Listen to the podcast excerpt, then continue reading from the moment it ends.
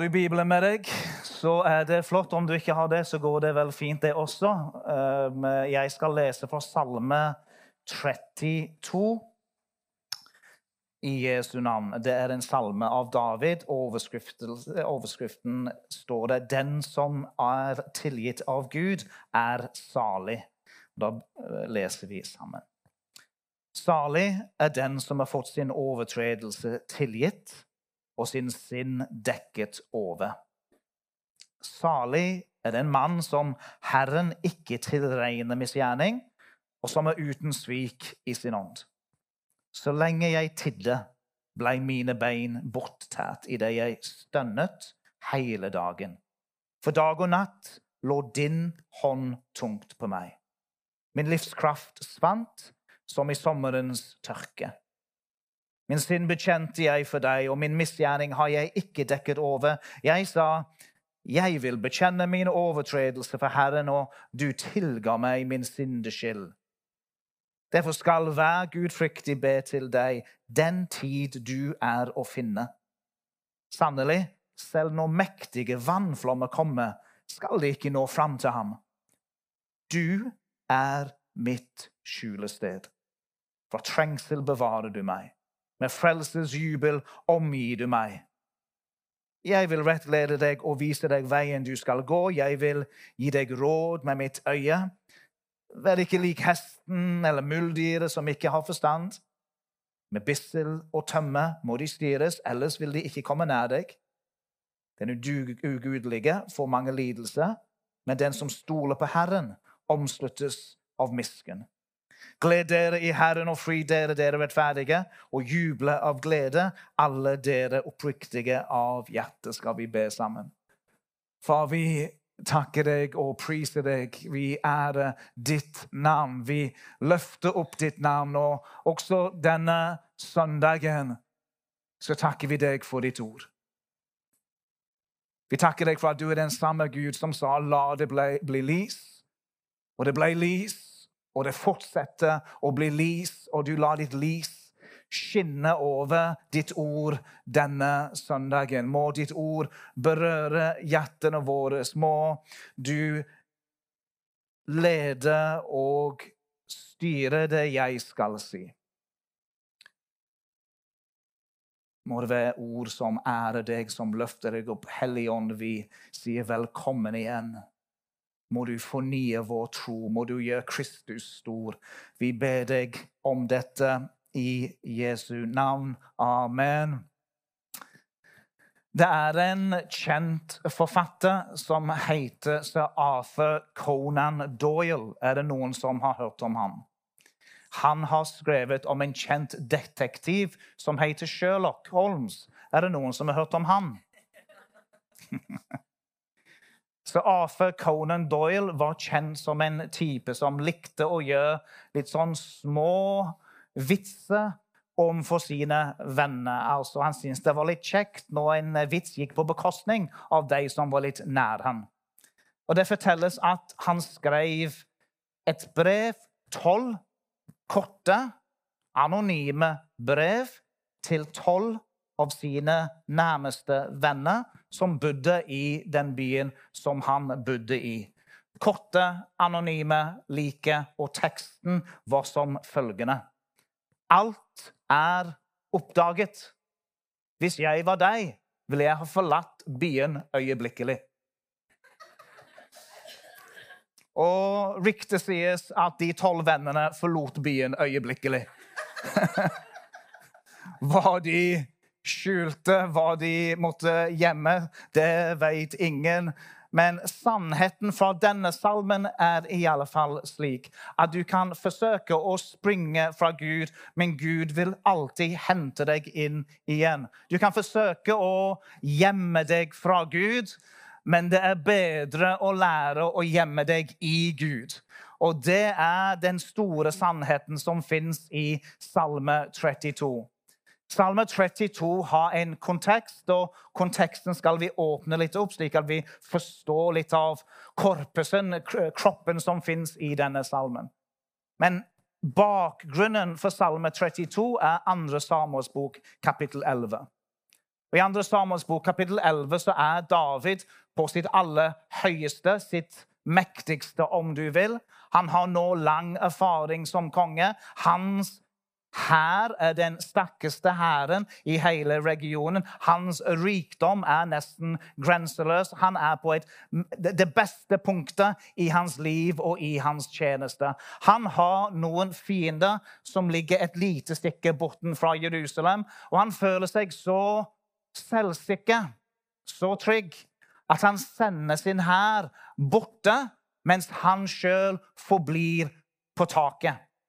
Han tror at den farligste fienden ligger 50-75 km i nordøstretning. Men Davids største fiende er ikke på utsiden, men hans største fienden den er på innsiden av ham. Han er på et tak, og når han er på et tak, og det er en seinvårkveld, og når han er på taket, så kikker han ned fra taket sitt, og han ser en vakker, ung kvinne som bader. Og de som kjenner til historien om David og Batsebe, så vet vi at her plutselig utløses denne moralske konkursen, åndelig konkurs, som begynner å skje i Davids liv. Og Vi trenger ikke brette ut om dette med David og Batseba, men vi kan si, fordi dette er kjent stoff for veldig mange, og det fins nå dette i vår bibel, at David begikk utroskap, som førte til konspirasjon, som ledet til mord. Og etter denne konkursen som skjedde på innsiden av David sitt, sin karakter og sitt hjerte. Etter dette så lekte David i ett år som om ingenting var galt. David fortsatte å lekte, spilte en rolle som om han var en gudfryktig konge som elsket Gud, som om alle ting var på plass, inntil en kjent profet som heter Nathan, møter David i kapittel 12, som har denne kjente, utfordrende ordene fra Nathan sin munn etter at han har delt en lignelse med David, hvor David blir opprørt og ønsker å straffe noen. og Nathan bruker denne lignelsen til å illustrere for David og sier disse ordene. David, du er mannen. Sånn. Og plutselig, når David hører disse ordene som konfronterer Davids synd og Davids åndelige konkurs Når David hører disse ordene 'Du er mannen', så blir ikke David hard, men han blir myk, og David vender om. Halleluja. Da, der ser vi Davids hjerte for Gud. Da, der ser vi en mann etter Herrens hjerte. Og David vender om, og ut fra denne omvendelseshandlingen, hvor David knekker sammen og gråter og ber, så har vi Salme 51. Og du som har lest Salme 51, så vet du at det er den første salmen. Det er på en måte, Hvis vi vil vite hva var det du ba, David? når Nathan utfordrer deg og konfrontere deg. Da leser vi Salme 51. Skap i meg et rent hjerte. Som Keith Green synger. Create in me a clean heart, O Lord. Det er det øyeblikkelige. Det er det som David skriver i det han har blitt konfrontert, og i det han har begynt å vende om. Men Salme 32 er når David etter en stund er på fjelltoppen igjen og er takknemlige. Det er når David har vendt om, og det er gått en stund, og så ser han tilbake til det som har skjedd. Og så reflekterer han over hva som skjedde i hans liv i forkant av møtet med Nathan, og det som skjedde i etterkant av møtet med Nathan. Og da har vi Salme 32. Og de gode nyhetene som fins i Salme 32, er at det fins ikke en synd som ikke Gud kan tilgi. Og det fins heller ikke en synd som ikke du kan unngå. Og det, begge sannhetene er som toglinje i denne salmen. At det er ingen synd som ikke kan tilgis. Og jeg tror jeg er i en kristen kirke her, så her var det en god anledning å si takk og lov for det. Sant? Jeg vet det er sommermøte, men vi kan godt komme i gang. Men ikke bare er det det at jeg kan bli tilgitt, men jeg kan også unngå synd. Det er ingen synd som jeg ikke kan unngå, som jeg ikke kan leve i frihet ifra, som jeg kan ikke oppleve seier over. Alle synder kan tilgis, og det skal vi begynne. Det var en far som hadde en sønn som heter Paco. Dette er Madrid, dette er Spania. Og det hadde skjedd noe som av og til kan skje mellom foreldre og tenåringer. Og det har blitt et lite brudd i relasjonen. og Nå visste ikke faren hvor Paco var. Det var litt vonde ting der. Han, men han hadde så lyst å strekke seg ut til sin sønn. Få tak i han, formidle til han at kan ikke vi finne hverandre igjen? Så han tar ut en annonse i byens største avis. Og i byens største avis så skriver han følgende tekst. Kjære Paco. Jeg elsker deg. Jeg tilgir deg. Kan du komme hjem? Og det sies at neste dag klokka tolv Vi møtes klokka tolv og så skriver han et sted. Og det sies at Neste dag klokka tolv var det 800 stykk som heter Paco, som dukket opp ved lokalene til avisen. Det er gode nyheter om at Sinde kan tilgis. Og her begynner David. Salig er den, salig er den. To salmer som begynner med salig. Den første, salme 1 som er en nydelig salme, en salme om å være plantet ved bekker med rennende vann, og dens blad visner ikke. En salme om å spise, tigge, plantes i Guds ord. En salme om å si nei til påvirkning som ønsker å dra deg vekk fra Gud. For mennesker som ønsker å dra deg i en annen retning, så er du salig fordi at du har holdt deg på den veien, den stien. Men det kan hende Du kan tenke på dette sjøl. Men det kan hende at Salme 32 er litt mer salig enn Salme 1. Eh, fordi at I Salme 32 så er det slik at du, du går ned en vei. Det, er en vei som Salme 1. Du går ned en vei, men mens du går på veien, så er det en, en, en, en kryss. Eh, du kan velge om du skal følge Gud fortsatt, eller om du skal gå en litt annen vei. Og I Salme 32 så velger personen å gå en annen vei, og så vandrer han vekk fra Gud. og Det er det mange som har opplevd i livet sitt. at Det er tider hvor man har vandret litt vekk, og man har på en måte kjent at hjertet blitt litt kjølig, litt kalde. Man har valgt gjerne noen ting som man ikke skulle valgt. Men mens man vandrer vekk fra Gud, så kjenner man men det er jo ikke dette jeg vil. Sånn jeg, jeg trenger å vende meg tilbake til Gud. Og på et eller annet tidspunkt så skjønner du nei, nei jeg, jeg, kommer tilbake til Gud. Men i det øyeblikk du vender deg tilbake til Gud, så er Gud allerede der.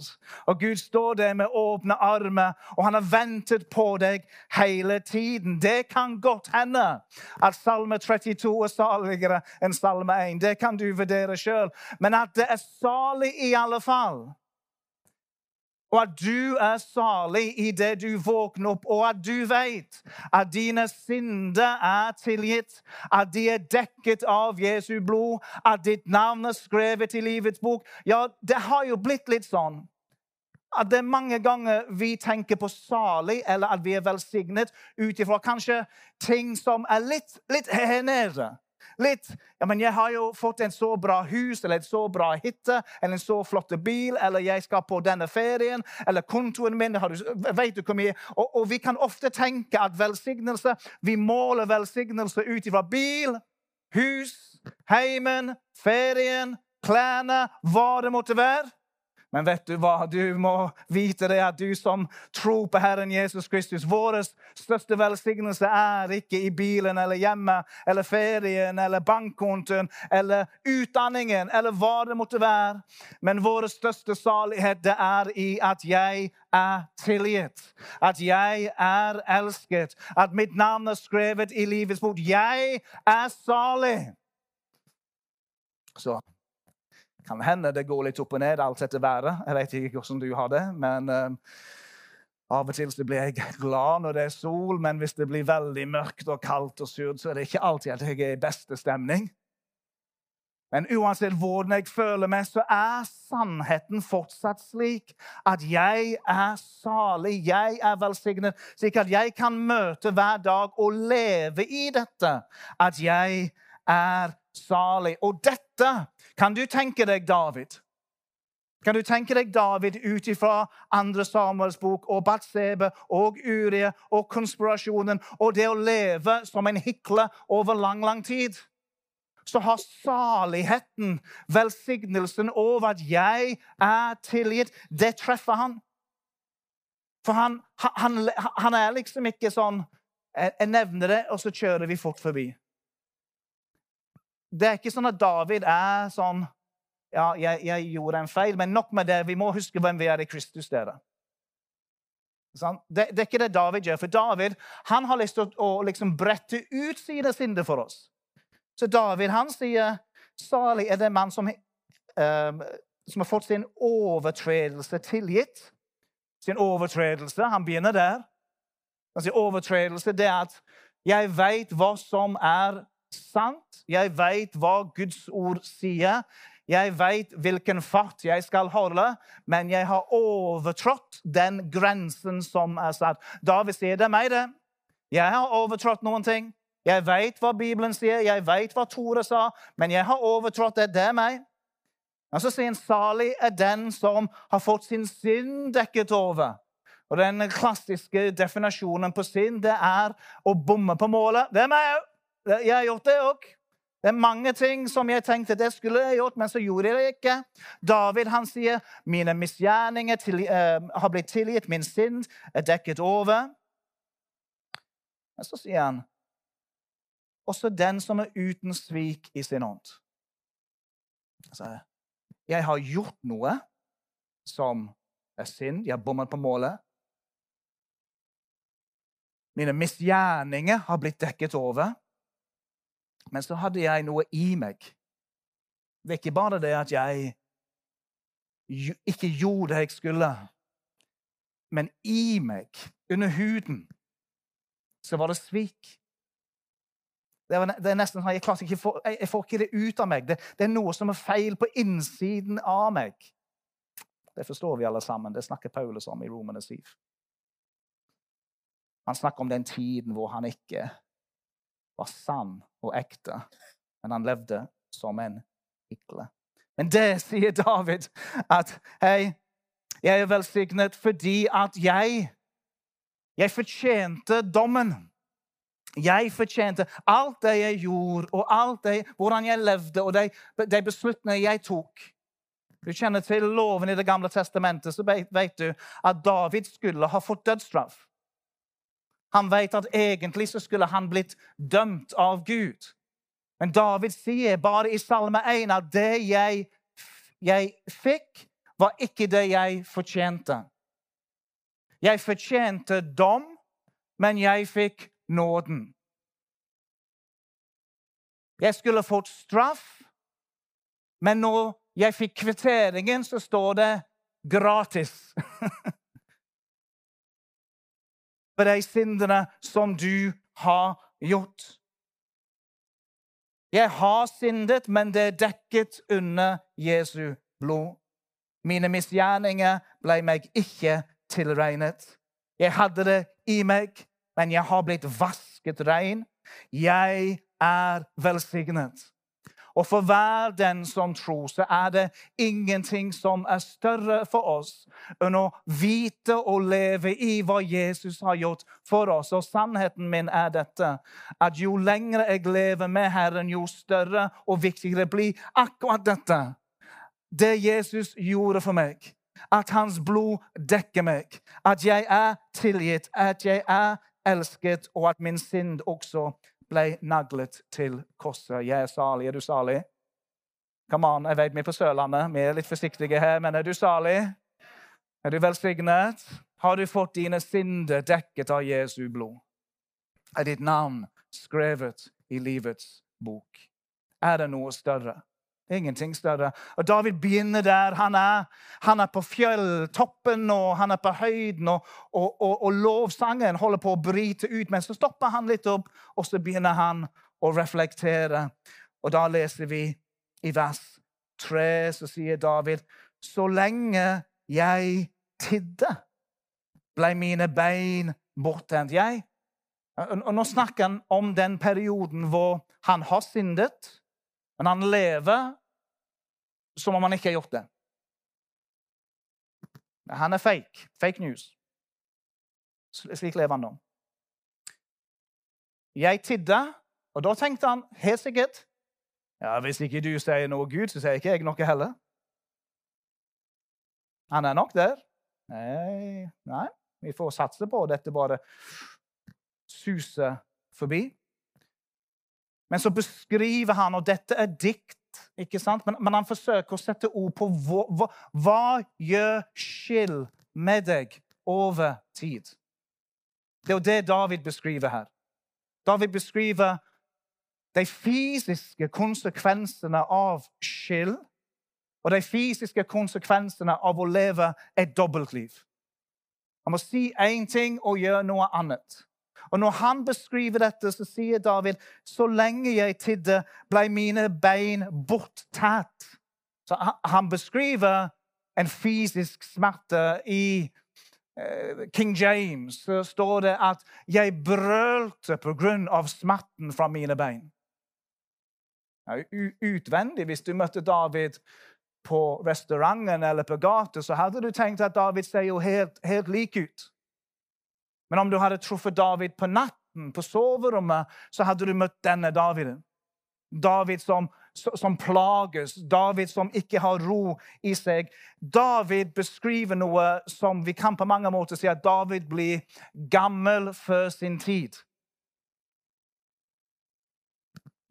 Hva gjør skyld med deg? Hva skjer med oss når vi ikke lever ekte innenfor Gud? Hva skjer med oss når vi ikke vender om fra vår synd? David han beskriver dette som smertefullt. og det, det må jeg si som pastor, at iblant så trenger vi ikke terapi, men vi trenger tilgivelse. Iblant så kan vi tenke at bare jeg får snakke nok om dette, og det kan godt hende. Jeg har tro på den gode samtalen, selvfølgelig. Men det er mange ganger og i mange situasjoner hvor jeg snakker med mennesker jeg tenker at du trenger ikke snakke med meg, du trenger å snakke med Gud. Det kan være greit å snakke med meg, og, og, og jeg kan lytte, men du trenger å gjøre opp noen saker med Herren. Og det er når du gjør det, at du vil kjenne og erfare at det skjer en bevegelse i ditt liv. Fordi hva er det David sier? Jeg, jeg ble stille, jeg ble taus, jeg stønnet dagen lang. Din tunge hånd, den lå på meg. Det blir feil å spørre om det er noen som har opplevd dette, men jeg tror vi forstår hva David forsøker å si. At Uansett hva David ville, så klarte han ikke å gå videre med livet sitt. Det, det var, det, du, kan, du, kan, prøve og du kan prøve, men fordi Guds tunge hånd er det, så jeg, jeg sitter bare fast. Og så lurer du sjøl på ja, men hvorfor sitter jeg fast. Hvorfor skjer det ingenting i livet mitt? Hvorfor klarer jeg ikke å komme inn i en ny sesong eller en ny, en, en ny fase? Hvorfor står jeg så fast i dette?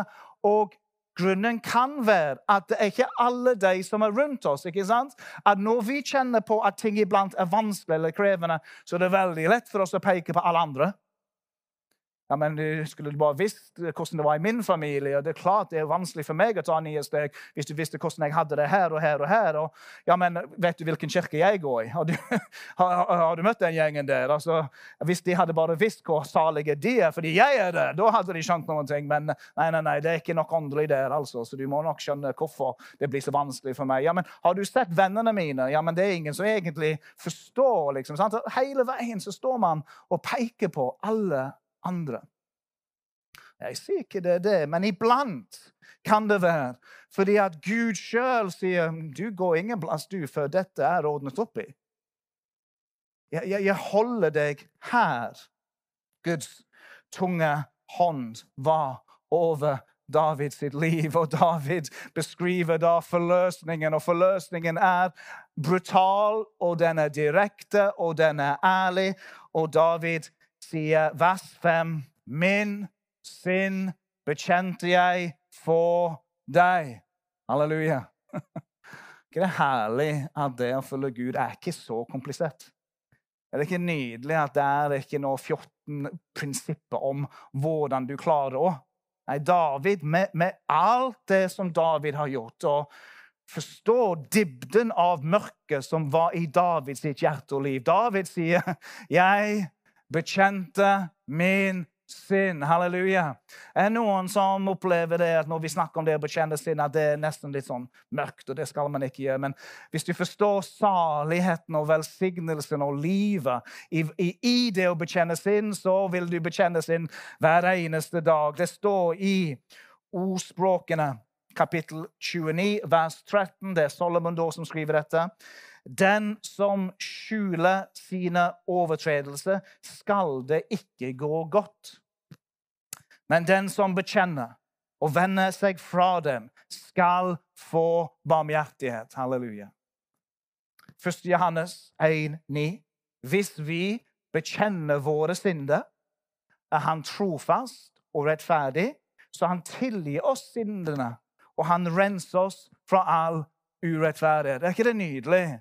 Å vite at Gud er trofast, han er pålitelig, han er stabil. Er ikke det herlig å vite? At når det gjelder Gud, så kan du komme til Gud med dine feiltrinn og din når du snubler og når du synder. Og vite at når du kommer til Gud, så er det ikke Gud Ja, vi, vi får se. Eh, du har sagt dette en del ganger før, du, så vi må liksom se litt forbedring først. Det er ingen prøveperiode med Gud. Det er ingen eh, Ja, vi, vi, vi vet ikke helt, eller ja, kanskje ja, vi, vi, må se hvordan det går, liksom. Og da kan vi kanskje tilgi deg, men vi må, må se litt forbedring først. Nei, med Gud så er Guds tilgivelse så er Gud renser oss fra all urettferdighet. Det er øyeblikkelig, det er trofast, det er solid. Når vi bekjenner våre synder, så er ikke Gud som menneske, og da sier jeg meg. Gud er ikke som meg. Jeg tror jeg du skjønner det, du òg. For uansett hvor salige og Kristus like vi er, så kan vi alle sammen kjenne på det der når noen over tid gjør de samme feilene om og om og om igjen og ber om tilgivelse. Ja Men inni her så er det Nei. Gud er ikke som oss. Gud er ikke som meg og deg. Men Gud er trofast, og når vi bekjenner våre synder, så sier han ja, du er tilgitt. Og sannheten er at Gud ønsker å tilgi deg mer enn du ønsker å bekjenne. Og det er fordi Gud er en Gud av en ny start og en ny sjanse. Det ligger i Guds natur at Gud elsker å gi nye starter og nye begynnelser. Han er en gud av the second chance. Så det er ikke bare gode nyheter om at vi er, kan bli tilgitt av vår synd, men det er også en, den andre banen her i salmen er at vi kan unngå å synde. Hallo. Du trenger ikke å synde. Jeg sier ikke at du kan leve fullkomment. Men sier at du kan leve i seier over synd, og du kan leve i seier over de syndene som gjerne ønsker å fange deg. Kan jeg dele en liten fortelling med deg som jeg leste en gang? Fire korte kapitler med en siste kapittel som jeg har lagt til sjøl. Kapittel 1. Jeg går ned en gate. Det er et stort hull i veien. Jeg ser det ikke. Jeg faller, og det er mørkt. Og det tar meg en evighet å komme ut. Kapittel 1. Kapittel 2. Jeg går ned den samme gata, og det er et stort hull i veien. Jeg later som om det ikke er der. Men jeg faller inn igjen, og det er mørkt, og det tar meg en evighet å komme ut. Jeg går ned den samme gata, kapittel 3. Jeg går ned den samme gata, Det er et stort hull i veien. Jeg veit det er der, men faller inn allikevel. Det er ikke min skyld. Det er blitt en vane nå å gå den veien. Jeg går ned den samme gata. Det er et stort hull. Jeg går forsiktig rundt så jeg ikke faller inn. Kapittel fem, det er min kapittel. Jeg går ned en annen gate. Var ikke det bra? ikke det bra? Snakker til noen nå. Du trenger ikke gå ned den gate som du stadig faller inn i det samme hullet. Det fins andre gater som du kan gå ned. Du kan velge å gå en annen retning. Jeg vet ikke din fortid eller hvor du er i din vandring med Herren, men jeg vet at du kan velge fra denne dagen av og si at nå skal jeg med dette gå i en annen retning med mitt liv. Det er sant. Ordspråkene 6, 27 og 28 sier Kan en mann hente ild opp i sitt fang uten at hans klær blir brent? Eller kan en mann gå på glødende kule uten at hans føtter blir svidd? OK. Så kan jeg, kan jeg ta ild, ta det opp i fanget og si Å, Jesus, nå må du gi meg styrke. Nå er det veldig mye ild her. Nå brenner det veldig godt. Hjelp meg akkurat nå. Det, det, det er noen som gjør det. Som plasserer seg på stedet og plasser og med mennesker som de vet Det er ikke bra for meg, dette. De vet det går bare litt tid, for jeg kommer til å si noe gjøre noe som jeg kommer til å brenne de klærne som jeg har på meg. For noen som sitter og hører på meg nå, så er denne enkle visdommen fra Salomon her livsendrende når du forstår at jeg trenger ikke å være med de menneskene. Jeg trenger ikke være på de plassene. Det er noen vaner jeg kan stoppe med. fordi at nå jeg holder meg vekk fra dette og Nå snakker jeg ikke om mennesker generelt, men du vet om det er noen som du vet drar deg borte fra Herren, borte fra en god samvittighet, borte fra livet i Kristus. Dette snakker David om. Hvis du ikke vil bli brent, så trenger du ikke å leke med ilden. Og det er på samme måte de samme rådene som David gir oss i Salme 32. Hvordan gjør vi dette? Vers 6. Derfor skal hver gudfryktig be til deg den tid du er å finne. Når er tiden Gud er å finne? Når er det? Aner ikke jeg, men jeg har ikke lyst til å vite det heller. Det er poenget. Du skal ikke vente til er det en tid hvor Gud ikke er å finne. Du trenger å, å, å gripe tiden når du hører. Grip tak i Gud, søk Gud når tiden er å finne. Tiden å finne Gud er når du kjenner og du hører slike ord. Det er ikke når du står i masse utfordringer og du har egentlig sluttet å søke Herren for lenge siden. Det er ikke tiden å søke Herren. Du kan søke Herren dog. Men det er mye bedre å søke Herren når du vandrer med Herren. Når du er nær til Herren. Når tingene er på et godt sted. Derfor skal hver gudfryktig be til deg den tid du finner. Sannelig, selv når mektig vannflomme kommer, skal de ikke nå fram til ham. Her, er et av de nydeligste versene i Salmenes bok. Du er mitt skjulested. Halleluja. Sannheten er at vi har et skjulested som er en skjuleperson. Hvem er det vi skjuler oss i? Vi skjuler oss i Kristus.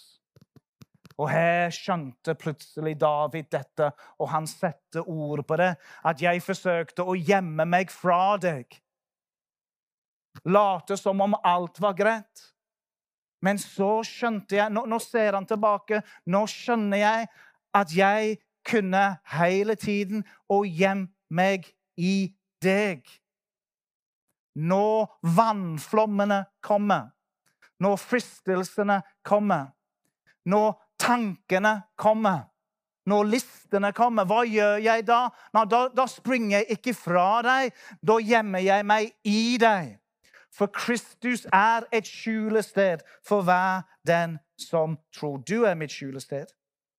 For trengsel bevarer du meg, med frelsesjubel omgir du meg. Jeg vil rettlede deg og vise deg veien du skal gå.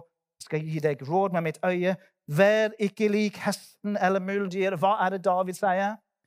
David sier enkelt og greit. Vær ikke som meg. Det er det David sier. Jeg var som en villhest på taket. Og jeg var som et muldyr når jeg hadde syndet.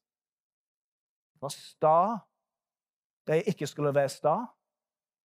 Jeg var vill der jeg ikke skulle være vill. Med bissel og tømme må de styres, din hånd lå tungt på meg. Ellers vil de ikke komme ned deg. Den ugudelige får mange lidelser. Men den som stoler på Herren, omsluttes av misken. Ikke det herlig? Elsker Bibelens språk, altså. At jeg, når jeg stoler på Herren, når jeg plasserer mitt liv Jeg er i Kristus, men jeg plasserer mitt liv også i Jeg er i Kristus. Jeg minner meg sjøl. Jeg kan gjemme meg i deg. Du er et skjulested. Du er en skjold. Du er et tårn. Hos deg, Jesus, er livets kilde. Så når jeg møter på fristelser, hva det måtte være, slitasjepunktet i mitt eget liv, konflikter i relasjoner Hvor, hvor går jeg henne?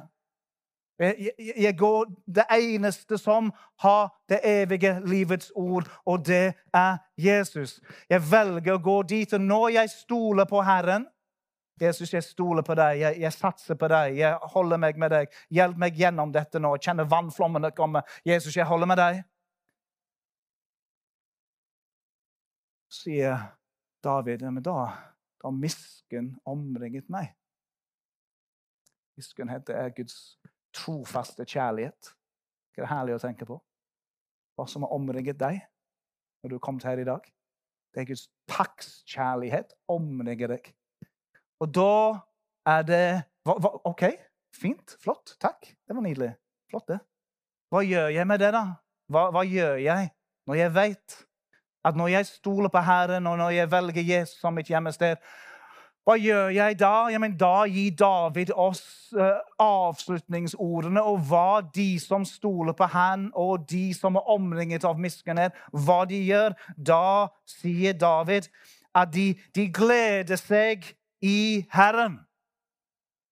Men, OK. Så jeg bare hjelper oss et lite kurs i det ved pinsevenner. Sant? Så et lite kurs i pinsevenner det er ikke Ikke ta det personlig, men det er ikke mm. Det er fint. Jeg, jeg, forstår du er med, og jeg skjønner at du lytter for du, du mm, på riktig tidspunkt. Så det ble jeg glad for. Men er du pinsevenn, og du hører 'gled deg i Herren', så sier vi halleluja. Eller så sier vi amen. Eller du kan også si Abba hvis du er fra Maranata. Vi tar den med, vi òg. Du kan egentlig si ganske mye, bare du setter noe lovprisning i munnen din. Det er samme for meg, altså. Men det å glede seg i Herren Hvis du var på en fotballkamp og du så laget ditt skåre mål, så hmm. Nå tenker jeg. Manchester United, Liverpool går i en 2-0-ledelse. Hmm. Det, det, det skjer ikke. Gled deg i Herren og David. Det er nesten som om David skjønner at han skriver til sørlendinger og vestlendinger. dette. Han skjønner, Jeg kan liksom ikke bare si 'gled dere', fordi han sier 'og fri dere'. Så gled deg og fri deg. Du tror du slapp unna med litt glede, men nei, du må fryde deg òg. Og jeg vet ikke hvordan du fryder deg. Jeg, jeg vet ikke hvordan du fryder deg, men jeg tror vi har litt å gå på. Det, det, det er poenget mitt. Du har litt å gå på. Er mulig. Kan jobbe litt med det, kanskje. Dere er rettferdige. Her er David, og David, David gleder seg over hva Jesus har gjort. Tenk om man kommer inn her søndagene og, og, og lever her. Tenk at lovsangsledere må ikke dra oss med, men vi drar de med. Tenk om samlingene, og det er det sikkert, jeg bare preker jeg. Tenk om gudstjenesten vår var preget av glede over Jesus og at han lever, og at han beseirer døden, og at jeg er omringet av miskunnhet. Gled deg, fri deg. Si dette til oss sjøl. Jeg må minne meg om dette. For jeg bor på Vestlandet, og vi, uh, vi er naturlig litt sånn uh, litt, litt mørk på dette her. Sant? Men han gir seg ikke å juble av glede, og jeg er ganske overbevist om at det å juble av glede, da må din munn brukes. Sant? Vi har kanskje sluppet unna med å smile litt her. sant? Glede OK. men, men, så sier da nei, nei du, må, du må juble òg. Du, du, må åpne din munn. Du må ha litt flere desibel. Du, du Øk lyden litt. Grann. Og jeg vet dette er ekstremt ubehagelig for oss. Jeg som bare kjenner liksom uh, ja, Jeg blir ferdig med dette poenget nå. Altså, Det passer så dårlig skandinavere, dette. Men det passer veldig bra den nye skapningen. Det passer veldig bra det nye livet. Det passer veldig bra når du skal vandre i alt det Gud har gitt deg. At du gleder deg, at du jubler, at du fryder deg i Herren, at du setter ord på din takknemlighet. At du synger om du synger Jeg har sagt det mange ganger, du synger som en kråke eller synger som en engel. Dere har mange engler her i salen. Men uh, for vi som er litt mer kråkete, det gjør ingenting. Du bare synger. Du har det i bilen, du har det på kjøkkenet, du har det hjemme, du har det når du går tur. Du synger og du priser og du tilber. Du setter ord på den takknemligheten, og det skjer noe med deg når du tilber Herren. Jeg tror faktisk slik at du blir fylt av Ånden når vi synger og gleder oss og tilber Herren. Salme 32. En salme om at alle mine synder tilgis. Dekket. Og at synd kan unngås. At ting som kanskje du har slitt med, eller sliter fortsatt med, de kan brytes i Jesu navn. De kan bekjennes. Du kan erfare den renheten som 1. Johannes 1,9 snakker om. All urettferdighet vekk. Fred med Gud. Og så kan du lære å leve i visdommen av å ikke oppsøke ilden om de stedene, plassene som trekker deg. Men du oppsøker Jesus. Hjemmestedet ditt. La Jesus være ditt skjulested, ditt hjemmested. Skal vi be sammen? Far deg, priser deg og takker deg for ordet ditt. og Takker deg for at vi fikk et lite vindu inn i Davids hjerte. Davids liv, denne mannen som de to sier var en mann etter ditt eget hjerte. Ikke fordi han var fullkommen, men fordi han vendte om. Han hadde det myke hjertet, slik at når ordet ditt kom som en hammer i hans liv, et sverd, så knakk det harde. Han var ikke stolt, men han vendte om. Og han sa, 'Jeg bekjente min synd, og du tilga meg.' Takk for at du er trofast. Du er pålitelig, du er forutsigbar. At når vi kommer til deg, når vi synder, så er du ikke som et vanlig menneske. Men du tilgir. Du renser.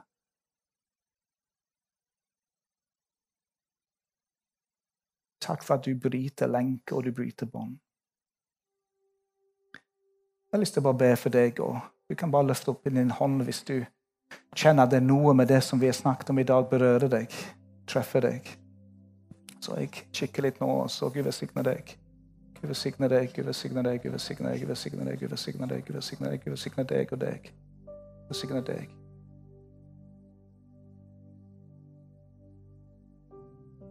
Hellige Ånd, du veit. Du kjenner hver enkelt. Vi begynte gudstjenesten med Salme 139. Du som dannet oss. Du som kjenner tankene før vi tenker dem. Ingenting er skjult for deg. Takk for ditt blod. Takk for det dyrebare Jesu blod, som renser hvit som snø. Takk for at du renser akkurat nå. Takk for at du kommer med en vind, Ånd. Som en elv, Hellige Ånd. Det er hvor det kom ting som henger seg så lett på. Takk for at vi kan også kaste dem på deg, Jesus.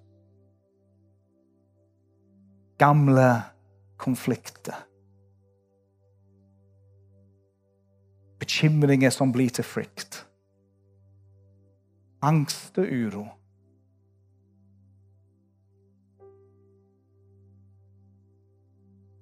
Håpløshet. Takk for at vi kan komme til deg nå, Jesus, og vite at du er vårt skjulested. Må du la hver enkelt som responderte på de to denne søndagen, erfare hva det vil si å være i Kristus.